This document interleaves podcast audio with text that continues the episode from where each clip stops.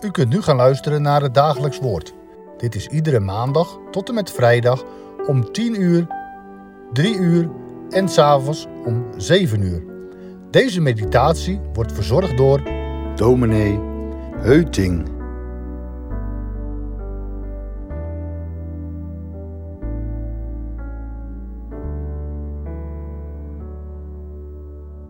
Rut en Boas zijn getrouwd.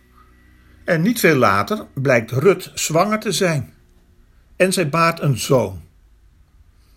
Dat is een felicitatie waard. De feestgasten uit de poort, herinner je de bruiloft nog? De feestgasten uit de poort kunnen op kraambezoek. Maar het loopt heel anders. Let eens op.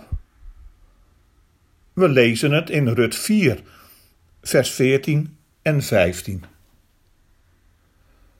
Toen zeiden de vrouwen tegen Naomi: Gelooft zij de Heer, die niet heeft nagelaten om u vandaag een losser te geven. Mogen zijn naam beroemd worden in Israël. Hij zal er voor u zijn om te, u te verkwikken en u in uw ouderdom te ondersteunen.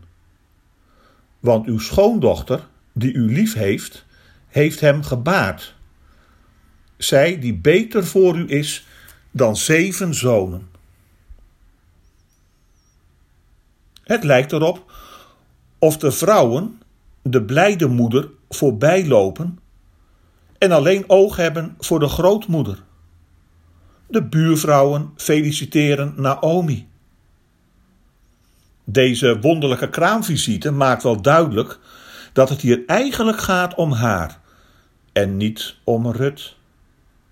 Zoals dit kleine boekje begon, Rut komt erbij. Het draait om Naomi. Nu gaat de toekomst open. Leeg was Naomi teruggekeerd naar Bethlehem, samen met haar schoondochter Rut, de Moabitische, die kinderloos was. Net als vroeger de aartsmoeders van Israël. Maar Rut wordt erbij getrokken. Door de Heer, de God van Abraham, Isaac en Jacob, de God van Israël. Hij strijkt genadig zijn hand over zijn hart. Hij buigt zijn eerdere afwijzing om.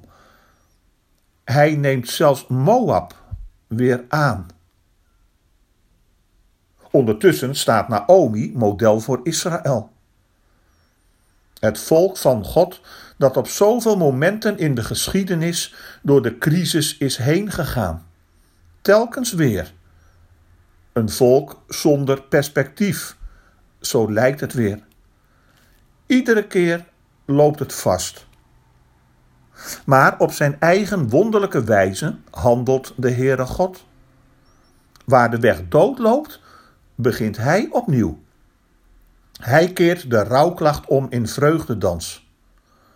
Dwars door alle vragen en raadsels heen. Hij opent de toekomst op zijn unieke manier. En nu baart Rut een kind. Als je dit hoort, is het of profetenwoorden in vervulling gaan. Een kind is ons geboren, een zoon is ons gegeven. En waar gebeurt dit? In Bethlehem. En jij, Bethlehem, Efrata, al ben je klein om te zijn onder de duizenden van Juda, uit jou zal mij voortkomen. Hier al, op dit moment, trekt de Heere God de lijnen naar de toekomst door. Nu feliciteren de vrouwen Naomi. En hoe? Gelooft zij de Heer. Hun gelukwens klinkt als een lofzang. In de eerste woorden horen wij echo's van oude liederen van Israël. Loof de Heere, mijn ziel, en vergeet niet één van zijn weldaden. Of de Heere zij voor eeuwig geloofd. En lof zij de God van Israël. En wie kent deze regel niet? Gelooft zij God met diepst ontzag.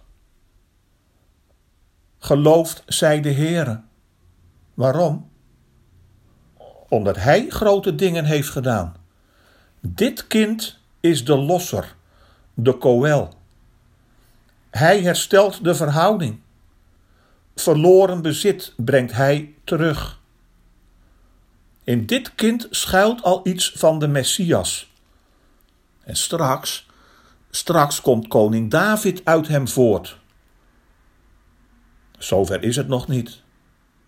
Nog langer niet.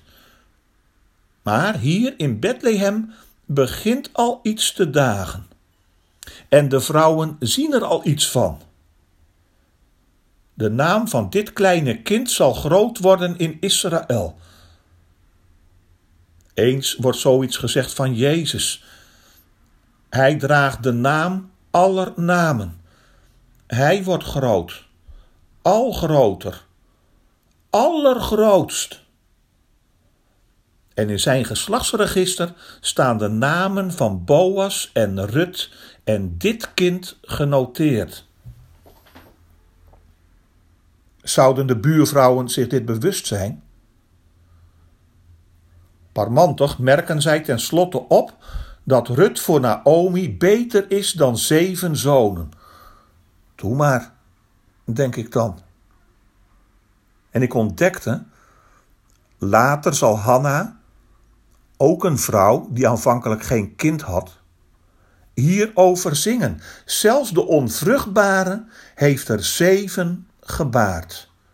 Zeven. Ik las ergens Leeg is Naomi in Bethlehem teruggekeerd bij het begin van de oogst. Na zeven weken bracht Rut zes maten gerst van de dorsvloer mee naar huis, ten teken dat de verlossing nabij is. Nu is door Gods genade de volheid van de zeven bereikt.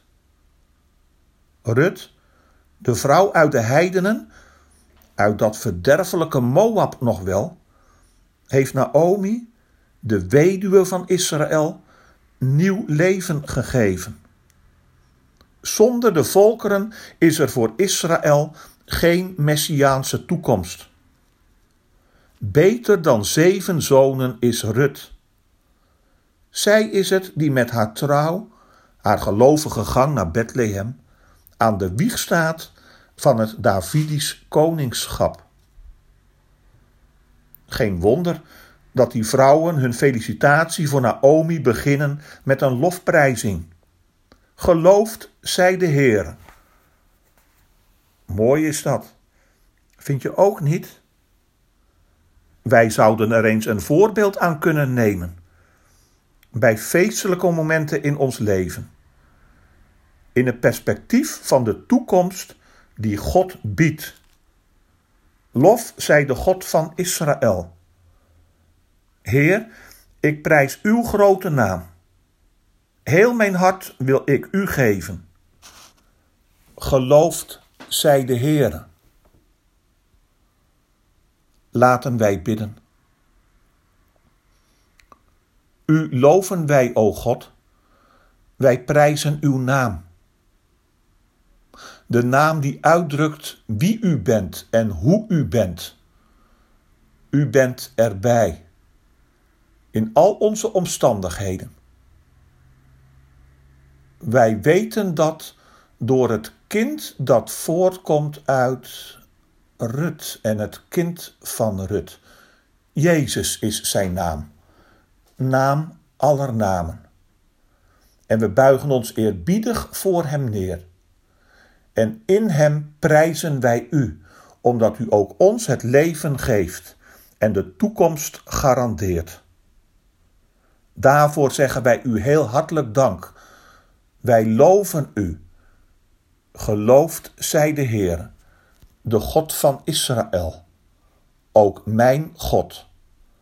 Amen.